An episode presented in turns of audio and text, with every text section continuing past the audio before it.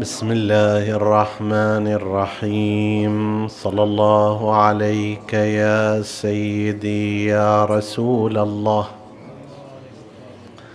صلى الله عليك وعلى ابن عمك امير المؤمنين وعلى أهل بيتك الطيبين الطاهرين صلى الله عليك يا سيدي ويا مولاي يا أبا عبد الله الحسين. ما خاب من تمسك بكم وأمن من لجأ إليكم. يا ليتنا كنا معكم. فنفوز فوزا عظيما. قال الله تعالى في كتابه الكريم بسم الله الرحمن الرحيم. وضرب الله مثلا للذين آمنوا امرأة فرعون. إذ قالت رب ابن لي عندك بيتا في الجنة ونجني من فرعون وعمله ونجني من القوم الظالمين. آمنا بالله. صدق الله العلي العظيم. عطروا مجالسكم بذكر محمد وآل محمد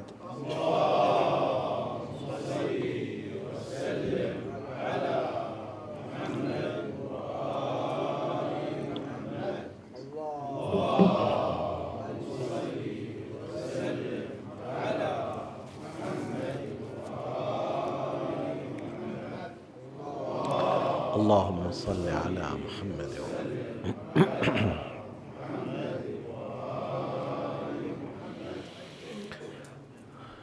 حديثنا لا يزال في موضوع النساء في كربلاء. ونفتتح حديثنا هذه الليلة بالآية المباركة التي ضرب الله فيها مثلا للذين آمنوا. أسلوب ضرب المثل في القرآن الكريم متكرر كثيرا. وله غايات متعددة لعل في أكثر من عشرين مورد ضربت أمثال في القرآن الكريم بعضها يرتبط بقضايا الإنفاق بعضها يرتبط بقضايا الإيمان بعضها بأشخاص بعضها بأمور طبيعية. ولكل من هذه الأمثال غايات فيما نحن فيه ضرب المثل للذين آمنوا وليس لخصوص النساء. وهذا أمر ملفت للنظر أن يأتي القرآن الكريم فيقدم امرأة نموذجا للرجال وللنساء. يعطيها منزله اللي يفترض حتى الرجال أيضا تكون بالنسبة لهم مثلا أعلى. قيمة متسامية. ضرب الله مثلا للذين آمنوا. الذين آمنوا فيهم الرجال وفيهم النساء. المثل يعني مثل دليل إشارة علامة قدوة. وهذا فيه إعزاز وإعظام لمنزلة هذه المرأة على وجه الخصوص. وامكان أن تتحول امرأة ليست معصومة حتى تتحول إلى قدوة للمؤمنين الرجال. هذا ملفت للنظر. فضرب مثلا للذين آمنوا. المثل له غايات هنا. واحد من الغايات أو إحدى هذه الغايات أن يجعل نموذجا متفوقا ويشير إليه حتى لا يصير الإنسان رهين لظروفه رهين لهمته الخاملة. يقول له لا أكو هناك مثال أعلى روح وراه أرتقي إليه. طيب وهذه أساسا قيمة القدوات هي هذه. أنا أعيش ضمن ظروفي أخضع لشهواتي أخضع للضغوط اللي تتوجه علي أخضع لقريتي وبيئتي وبلدتي فما أطلع إلى مستويات عالية. يجي الدين يقول لي لا أكو هناك مثلك في تركيبته الإنسانية بس وصل إلى درجات عاليات جدا انت عندك أيضا طاقات وامكانات تقدر توصل إلى ذلك المكان. يشحذ الهمه يعلي الطموح يرفع الانسان. هذا واحد من الغايات والغاية الاخرى غاية احتجاجية. غاية الاحتجاج يعني شنو؟ يعني لو ان انسانا اراد ان يبرر لنفسه في يوم القيامة تنازله انحرافه خضوعه عدم التزامه يؤتى له بالنموذج. يقول له لهذا كان في نفس ظروفك وأسوأ منها ومع ذلك ارتقى إلى الدرجات العاليات. مما ورد عن المعصومين في تفسير الآية المباركة. فلله الحجة البالغة. ورد أنه في يوم القيامة يؤتى بالمرأة الحسناء التي انزلقت. يقول لها ليش انزلقتي؟ لماذا لم تلتزمي بالأخلاق؟ فتقول يا رب أنت أعطيتني جمال وحسن فرحت وراء هذا الاتجاه. فيؤتى لها في الخبر بمريم ابنة عمران. فيقولوا لها هذه أجمل لو أنت أجمل فتراها أجمل بكثير منها. فتقول بل هي أجمل. يقول لها هذه عاشت في بيئة كان الزنا فيها فاشيا. لذلك كان التحدي مالها لما جاءت بعيسى تحدي كبير لأن قضية العلاقات غير المشروعة في تلك الفترة كما يذكر مؤرخو الأديان كان شيئا كثيرا. لذلك أول ما يتبادر إلى ذهنهم أنه هذا جايب الجنين من علاقة علاقة سفاح. قالوا لها هذه عاشت في ذاك الوضع ومع ذلك لم تنزلق. ويؤتى بالشاب الجميل حسن المنظر. فيقول لي أنت ليش سويت كذا؟ يقول يا رب أنت أعطيتني هذا وأعطيتني فلوس وأعطيتني صحة وشهوة وغير ذلك. طيب. فرحت وراء القضية فيؤتى له بنبي الله يوسف. يقول له هذا واحد أيضا كان في قصر المرأة الزوجة دعته غلقت الأبواب. هي بنفسها ما قالت لأحد يغلق الأبواب. قالوا أبواب متداخلة. وقالت هيت لك. قال معاذ الله. فإنت ما تعيش نفس هذا الظرف تعيش أقل منه ومع ذلك انزلقت وهو لم ينزلق فيخصم. فواحد من أغراض المثل القرآني في مثل هذه الموارد أيضا بالإضافة إلى أنه قدوة له جهة احتجاج له جهة انتصار عليه. مرأة لنفترض تعيش في بيئة نعوذ بالله زوجها لا يصلي ليس متدينا. فتقول أنا شفت زوجي هالشكل وتابعته. شفته مثلا ما مهتم بالدين مشيت وراه. فيؤتى لها بآسية بنت مزاحم يقول لها هذا مو بس ما كان مهتم بالدين. يقول أنا ربكم الأعلى أنا الله مالكم. يأمر الناس بالصلاة إليه مو هو يصلي. طيب.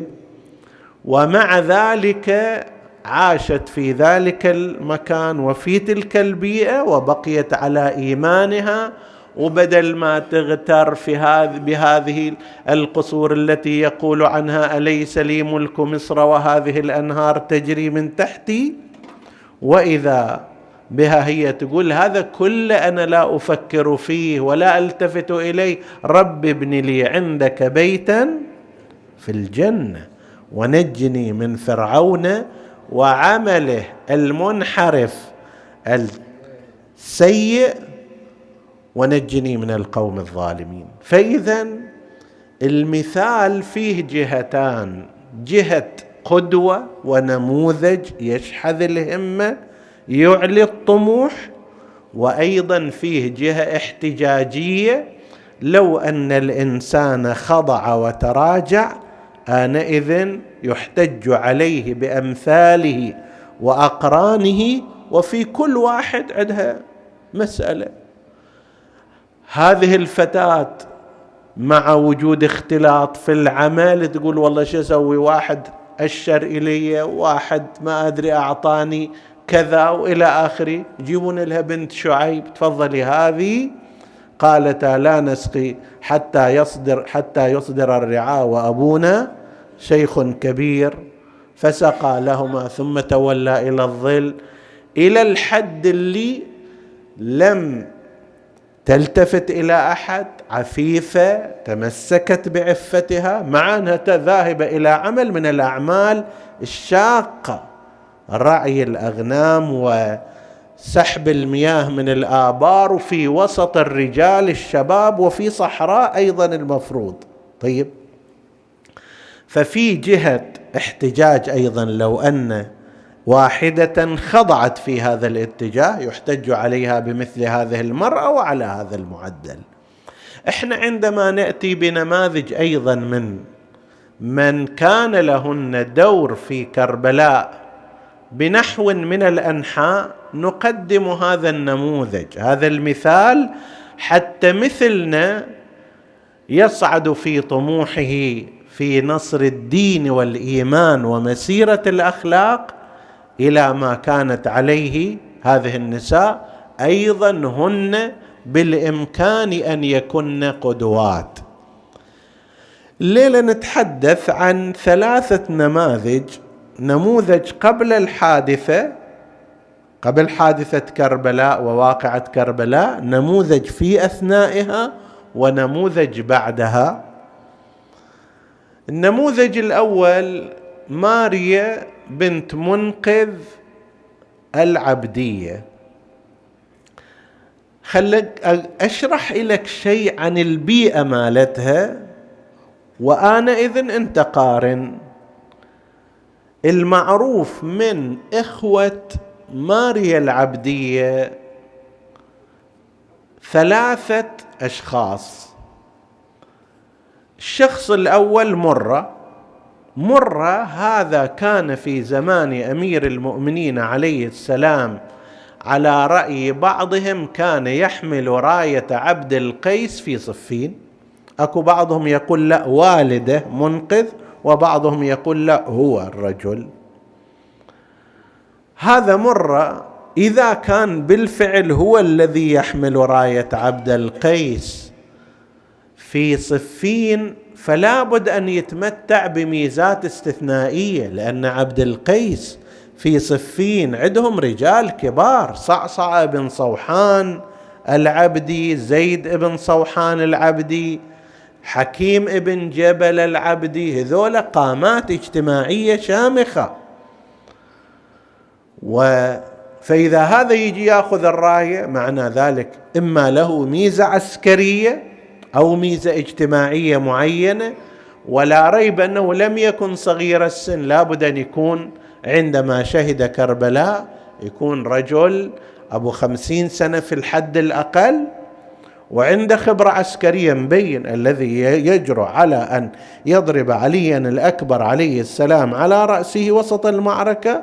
هذا مو إنسان عادي في قتاله وفي قوته. نعم سخر هذه القوة والقتال في جهة الشيطان ولكن علي الأكبر مو ذاك الشخص اللي أي واحد يجي ويضربه ويقتله لابد أن يكون القاتل ماله أو الضارب ماله شخص عنده قدرة عسكرية معينة. هذا يجي يصير بعد شهادة الإمام الحسن المجتبى عليه السلام ضمن الخط الأموي بينما كان إذا صح هذا النبأ من حملة الرايات في يوم صفين وآخر أمره يأتي إلى كربلاء ويصبح في جيش عمر بن سعد ويبوء بالخزي الدنيوي والعذاب الأخروي بضرب شبيه رسول الله صلى الله عليه وآله. هذا واحد. مرة. الثاني رضي وهو رديء في الواقع وليس رضيا. رضي ابن منقذ أخوه الآخر. هذا قاتل برير ابن خضير الهمداني. أهم مفسر للقرآن الكريم ومقرئ ومعلم في مسجد الكوفة كان هذا الرجل. علم اجيالا. مقرئ القرآن في ذاك الوقت تعبير عن شخص بالإضافة إلى معرفته بقضايا التجويد والتلاوة والأداء اللفظي أيضا لازم يكون عنده معرفة بالتفسير وما يرتبط به من الأحكام. مو مثل الآن مثلا تقول فلان مقرئ قرآن يعني عنده مقامات وعنده الصوت وعنده حسن تلاوة. لا ذاك المفهوم في ذاك الزمان غير. فبرير ابن خضير الهمداني كان واحدا من هؤلاء. هذا الثاني رضي كان قاتل برير في كربلاء. وهو أستاذه وشيخه حتى عندما شن عليه الحمله واحد ناداه من خلفه ويحك هذا برير بن خضير الهمداني معلمنا في مسجد الكوفة القرآن كيف تذهب إليه لتقتله؟ هذا معلمك أستاذك شيخك في القرآن الكريم. بس هذا نمط. وبالفعل قتله بالتعاون مع شخص آخر أبي بن كعب بن بن جابر. هذا الأخ الثاني الأخ الثالث اسمه رجاء سبحان الله بعض الأسماء كلش عكس معانيها. رجاء ابن منقذ العبدي هذا واحد من عشرة من العشرة الذين ركبوا خيولهم وردوا صدر الحسين. سلام الله عليه. فهذه هي بيئة هذه المرأة ثلاثة إخوة في هذا الاتجاه أمويون إلى النخاع قتلة أيضا بامتياز ومثل هذا رجاء بعد القتل أيضا يرد صدر الحسين عليه السلام اللي هذه فالدناءه للغاية. في بين هؤلاء تبرز امرأة هي ماريا بنت منقذ اللي هي أختهم. هذه كانت زوجها قد توفي عنها وهم العبديون في تلك الفترة سكنوا البصرة. تشيع في البصرة لم يكن حالة عامة كما هو في الكوفة. كان مجاميع قليلة. بيتها كان مألفا لشيعة أهل البيت مثل مكان اجتماعات لشيعة أهل البيت. لما الحسين عليه السلام أرسل خمس رسائل إلى خمسة أشخاص في البصرة اللي هم رؤساء الأخماس. أخماس أحياء خمسة أحياء كانت مقسمة البصرة وعلى كل حي هناك رئيس. بعضهم مثل المنذر ابن جارود العبدي ذكرنا في ليلة مضت أخذ الرسول سليمان ابن أبي رزين ووداه إلى عبيد الله بن زياد وقتل. الأحنف بن قيس اكتفى بأن رد جوابا على الإمام عليه السلام فاصبر إن وعد الله حق ولا يستخفنك الذين لا يوقنون والباقي لا اعربوا عن استعدادهم. ماريا هذه؟ وهي امرأة زوجها متوفى والدها غير موجود. عندما اجتمع الشيعة على جار عادتهم في منزلها جلست وأخذت تبكي بكاء عاليا. قالوا لها على شنو تبكين؟ من اذاك من اغضبك خبرينا إحنا. ننتقم لك ونثأر لك. قالت أغضبني أنكم جلستم ولم تذهبوا إلى نصرة ابن بنت رسول الله. أنا ما عندي شيء شخصي يغضبني وإنما أشوف شيعة الحسين في البصرة قاعدين على راحتهم من دون أن يتحركوا بشيء. قوموا لنصر الحسين ما جلوسكم ها هنا. المهم بدأت تتحدث معهم وتشجعهم وتحرضهم وبالفعل انطلق من بيتها مباشرة غير اللي فيما بعد راحوا من بيتها مباشرة انطلق ستة كانوا شهداء في واقعة كربلاء من بيتها إلى الالتحاق بالحسين عليه السلام. هذا النموذج وين؟ وإخوانها وين؟ الكل كان يعيش في بيئة واحدة متشابهة ولكن هذه يمكن أن تقدم كنموذج أعلى للرجال أنه حتى إن كان ظرفها ظرفها ظرف غير حسن عادة امرأة إذا زوجها متوفى عنها ووالدها غير موجود يا الله حسب التعبير تدبر معيشتها. أما أن تتصدى وأن يجتمع في منزلها هؤلاء وأن تحرضهم على الذهاب إلى الحسين عليه السلام وأن تعتبر نفسها مسؤولة هذا فد قيمة عالية. هذا نموذج قبل كربلاء. ولا ريب أن مثل هذا الموقف يحفظ لها فهي السبب كانت على الأقل في استشهاد ستة من شهداء كربلاء يعدونهم من العبديين في كربلاء. هذا نموذج قبل المعركة وقبل الواقعة نموذج في وسط المعركة وفي أثنائها وهو نموذج بحرية بنت مسعود الخزرجية.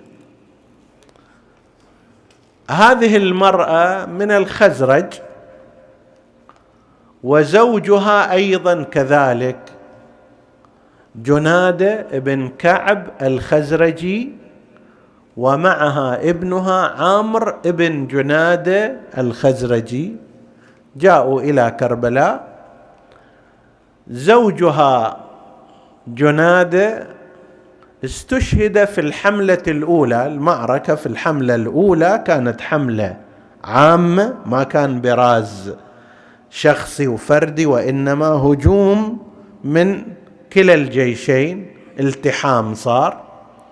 فزوجها استشهد في هذه الحملة الأولى. بعد ذلك صار قضية أن يبرز رجل لرجل فجاء ابنها عم بعدما استشهد والده جاء ابنها عمرو ابن جنادة وهو من أبناء 12 إلى 13 سنة يعني من أعمار القاسم بن الحسن عليه السلام. فجاء إلى الحسين عليه السلام واستأذنه في أن يبرز للقتال. إمام الحسين شافه صغير السن. لا سيما أن بعض الأشخاص قد يكون عمره 12 13 سنة بس مع ذلك قامته وطوله كذا قد يكون لا يحكي هذا المقدار من العمر.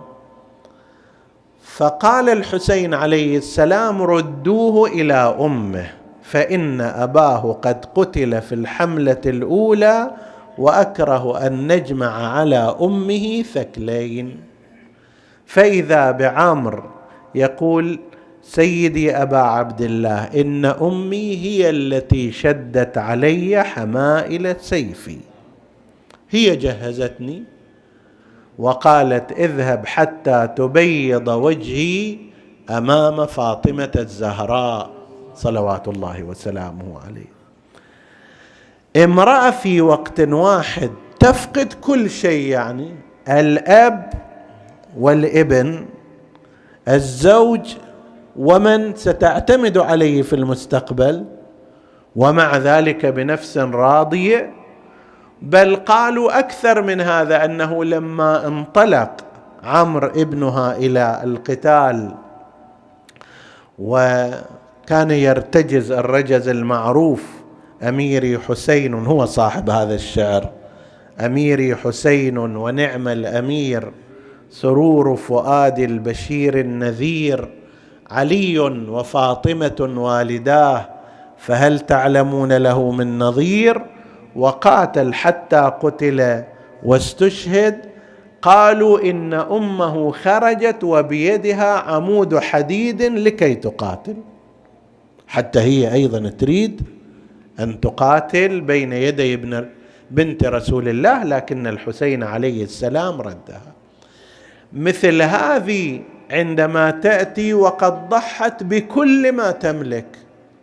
المرأة بالنسبة إلها زوجها كل حياتها عادة وابنها كذلك فهي لا تملك شيئا الآن. وأنا أجي لنفترض حتى على ساعة من وقتي لا أريد أن أنفقها في سبيل الدين. مقدار بسيط من أموالي لا أريد أن أنفقه من في سبيل الدين. مقدار من جاهي وشخصيتي لا أريد أن أنفقها في سبيل المؤمنين والصالحين. الفارق بعد هنا يكون فارق فلكي بين امرأة تعطي كل ما تملك وبين أنا اللي أضن وأبخل بأبسط الأشياء على عباد الله وعلى دين الله عز وجل. هذا نموذج ثاني. ضرب الله مثلا امرأة فرعون عندنا أيضا أمثلة في كربلاء. عندما نتحدث عن السيرة ينبغي أن نلتفت إلى الدروس التي تخلفها هذه القضايا. والمثال الأخير وننهي به حديثنا بإذن الله هي النوار الحضرمية. النوار الحضرمية هي زوجة خولة ابن يزيد الأصبحي.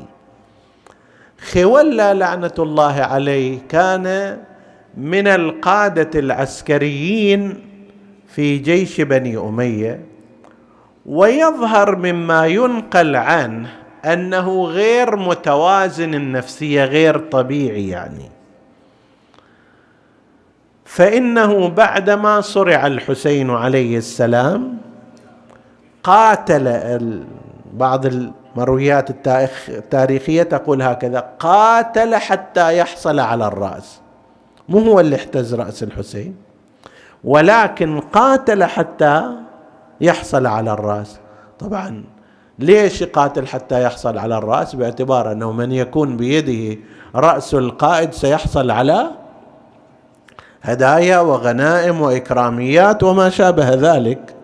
فهو كان هالشكل وجاء بعد أن أخذه جاء إلى عمر بن سعد وهو ينشد رجزا عجيبا أيضا يقول املأ ركابي فضة أو ذهبا إني قتلت السيد المحجب قتلت خير الناس اما وابا. اولا هو يكذب هو لم يقتله. يعني لم يذكر في رواية معتبرة لا تاريخية ولا غيرها من أنه هو الذي قتل.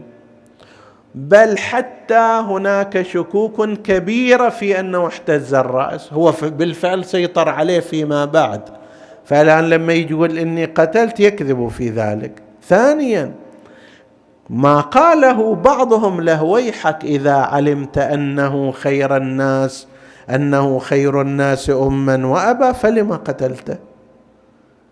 لو قلت ذلك للأمير يعني عبيد الله بن زياد لأنهكك عقوبة.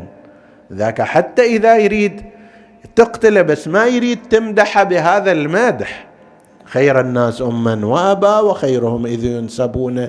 نسب السيدة المحجبة إلى غير ذلك. وهذا كما قلنا يشير مع قرائن أخرى إلى أن الرجل لم يكن متوازنا كثيرا.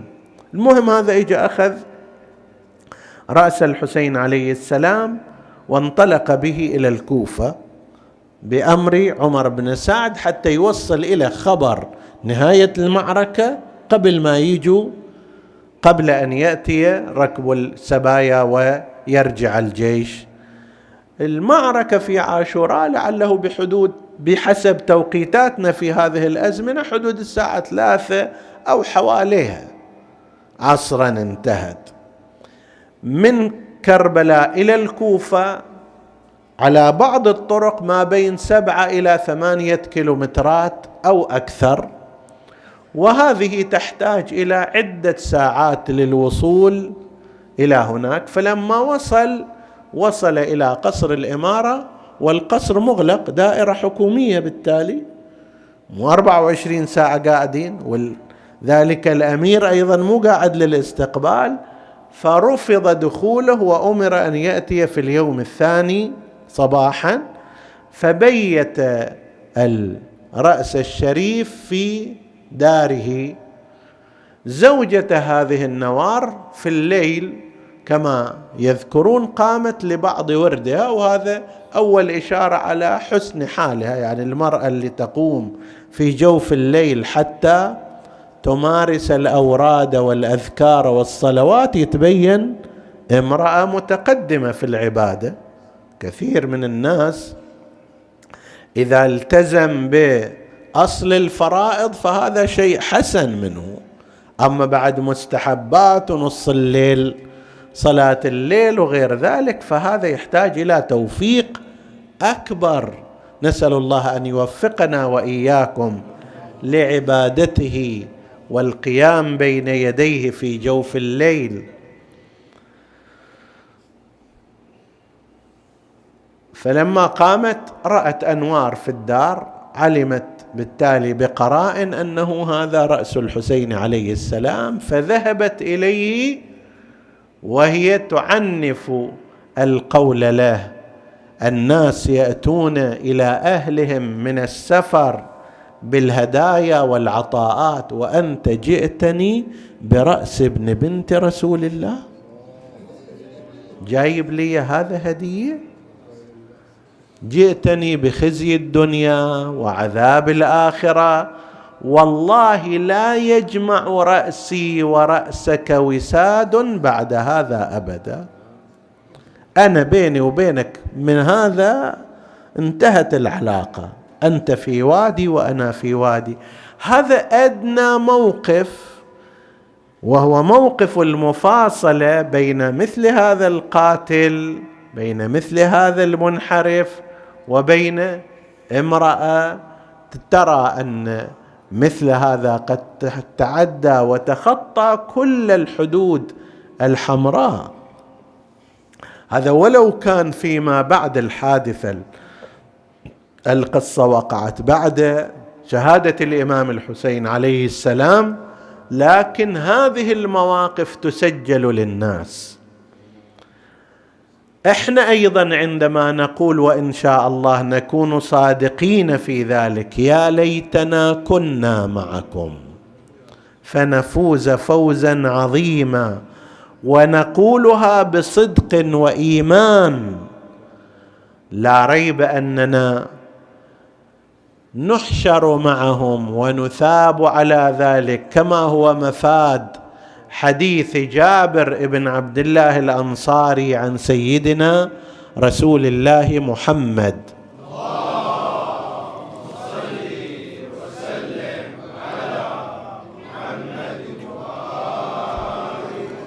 عندما قال له في قصة مفصلة ينقلها الفريقان وبالذات في التفسير عندما قال رسول الله لجابر والجمع حضور يا جابر من أحب قوما حشر معهم ومن أحب عمل قوم أشرك في عملهم.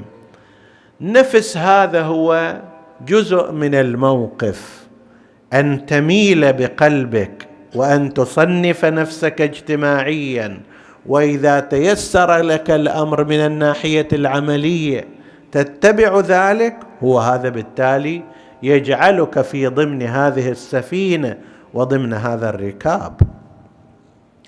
نسأل الله سبحانه وتعالى أن يجعلنا مع أهل بيت محمد الطيبين الطاهرين وأن يكرمنا بشفاعتهم كيف لا ونحن نستضيء بأنوار هؤلاء ونحيي ذكرهم وندرس ونستلهم من عبر حياتهم وكل واحد منهم هو مجال رحب للاستضاءة والاهتداء والاقتداء ولا سيما أشبه الناس خلقا وخلقا ومنطقا برسول الله. عليا الأكبر صلوات الله وسلامه عليه. إذا تدقق في كلمة أشبه لابد إلها معنى حسب ما ورد في كلام الإمام الحسين عليه السلام أشبه الناس خلقا وخلقا ومنطقا. المتعارف في الألسنة هو شبيه النبي لا مو شبيه. لأن من كانوا يشبهون بالنبي كما ذكر المؤرخون سبعة أشخاص. قالوا الحسن بن علي يشبه رسول الله الحسين يشبه رسول الله قثم ابن العباس ابن عبد المطلب يشبه رسول الله جعفر ابن أبي طالب قالوا يشبه رسول الله ولا وغير هؤلاء ولكن شباهه جزئية في بعض الجهات. واحد قد يشبه في طريقة كلامه واحد يشبه في شكله واحد في قسمه الأعلى واحد في حركته ونشاطه. طيب فاطمة سلام الله عليها شبهت في بعض الجهات بأبيها ما تخرم مشيتها مشية رسول الله صلى الله عليه وآله. هذول كل واحد في جهة لكن هذا الرجل كان أشبه الجميع. أكثرهم شبها وفي مجالات متعددة. خلقا الشكل الخارجي خلقا سيره اخلاقا ومنطقا أيضا. هسا منطق. إن قلنا أنه طريقة الكلام والتلفظ والبلاغة أو قلنا لا طريقة التفكير لأنه قد يعبر عن طريقة التفكير بالمنطق. سواء هذا أو ذاك هو أشبه الناس برسول الله. والحسين الذي هو شبيه رسول الله يقول حسب هذه الرواية وكنا إذا اشتقنا إلى رؤية نبيك نظرنا إليه. هو يكفي في الحسين أن يرى نفسه لأنه شبيه رسول الله. لا هذا أكثر شبها. وكنا إذا اشتقنا إلى رؤية نبيك نظرنا إليه. هذه الكلمات قالها الحسين عليه السلام وقد جاءه علي الأكبر يستأذنه في القتال. قالوا لما جاء يستأذن لم يقل له الحسين اذهب يا بني إلى القتال. لم يقل له أذنت لك وإنما أخذ ينظر الحسين إلى وجه علي الأكبر وإلى عينيه ثم سالت دموع الحسين على خديه غري غزيرا.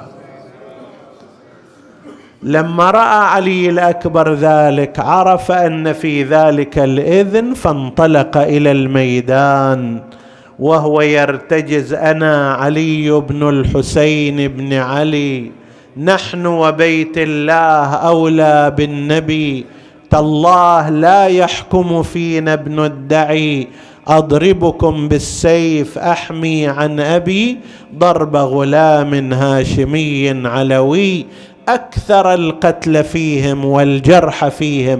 بعض المرويات التاريخية تقول أنه حتى زاد ما قتله على مئة. هنا هذه المئة قد نتصور أنه لازم يضربهم بسيفه هكذا. لا في الجمع عادة في الجمع في الجيوش كثير من القتلى يحصل على أس على أثر التراكم والتصادم.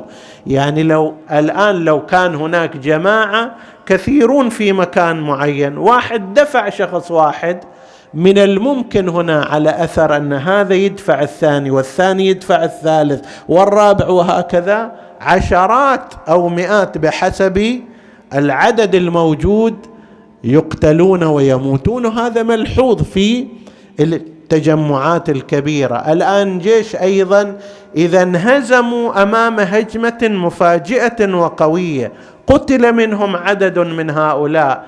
الذين يريدون أن يفروا يسحقون من خلفهم وهكذا فيتضاعف العدد. لذلك بهذا النحو نحن لا نستبعد أن يكون بعض الأعداد من هذا القبيل غير الأعداد المبالغة وإنما من هذا القبيل وأشباهه أن تكون حاصلة. فأكثر القتل والجرح فيهم ثم عاد بأبي وأمي وقد بلغ منه الظمأ والعطش مبلغا.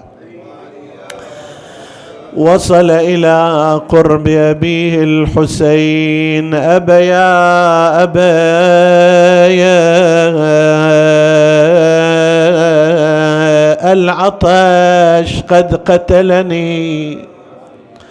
ثقل الحديد قد اجهدني هل إلى شربة من الماء سبيل؟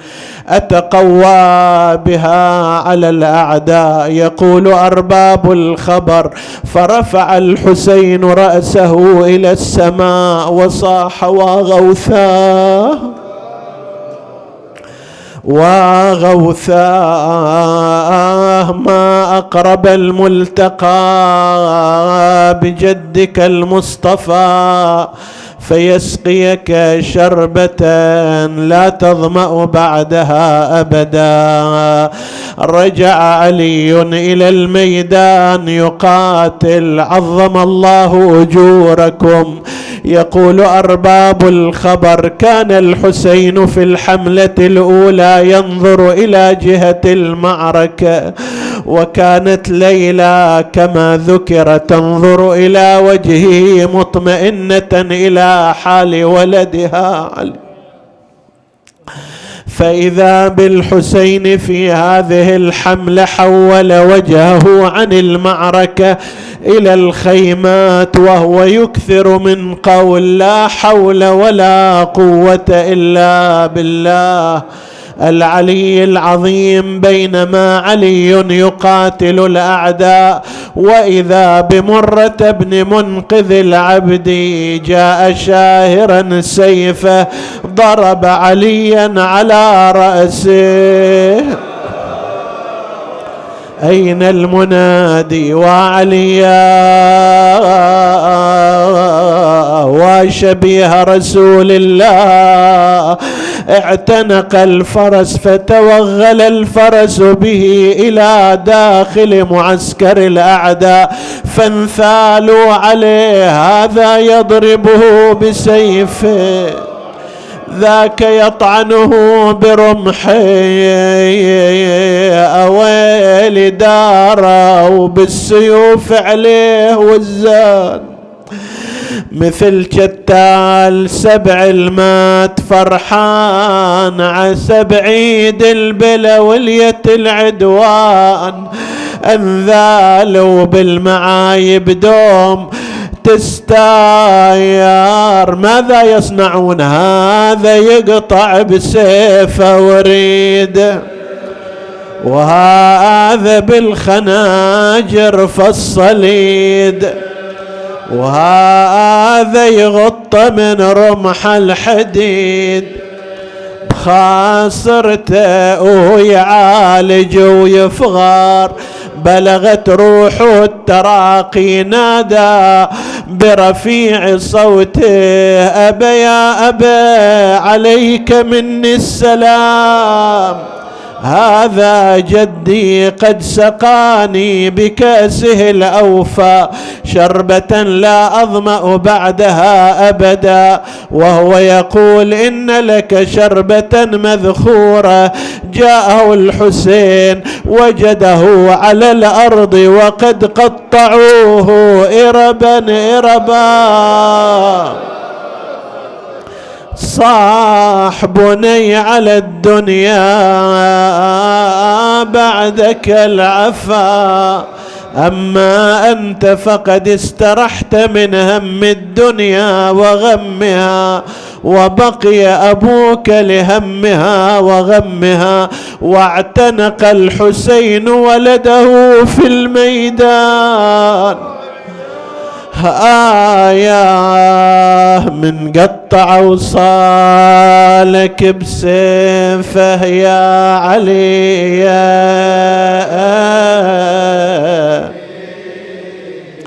بعدك على الدنيا العفا وفرقاك شيء أكبر يا نور العين أو حتى أبوك يا ابني شقول لعمتك لو سايلت عنا. وليلة العزيزة ترتجي ما أيست من أكبر يا نور العين أو حتى ما أقدر أقول لهم علي مطروح بالرمضان.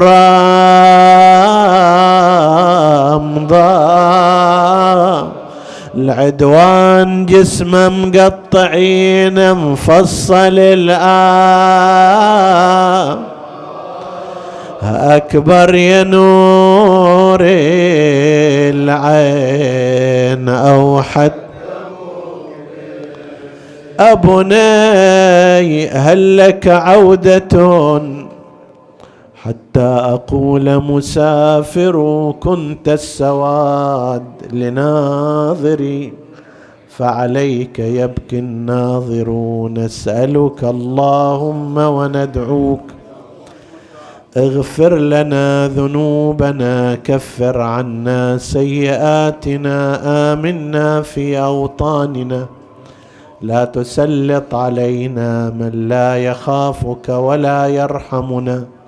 ولا تفرق بيننا وبين محمد وآله طرفة عين. فضل اللهم إخواني الحاضرين فردا فردا واقض حوائجهم. اشف اللهم مرضاهم لا سيما المرضى المنظورين. اللهم اشفهم بشفائك داوهم بدوائك عافهم من بلائك وتقبل عمل المؤسسين بأحسن القبول إلى أرواح موتى المؤسسين وموتى القائمين على هذه الحسينية. وموت الحاضرين والسامعين نهدي للجميع ثواب الفاتحة تسبقها الصلوات.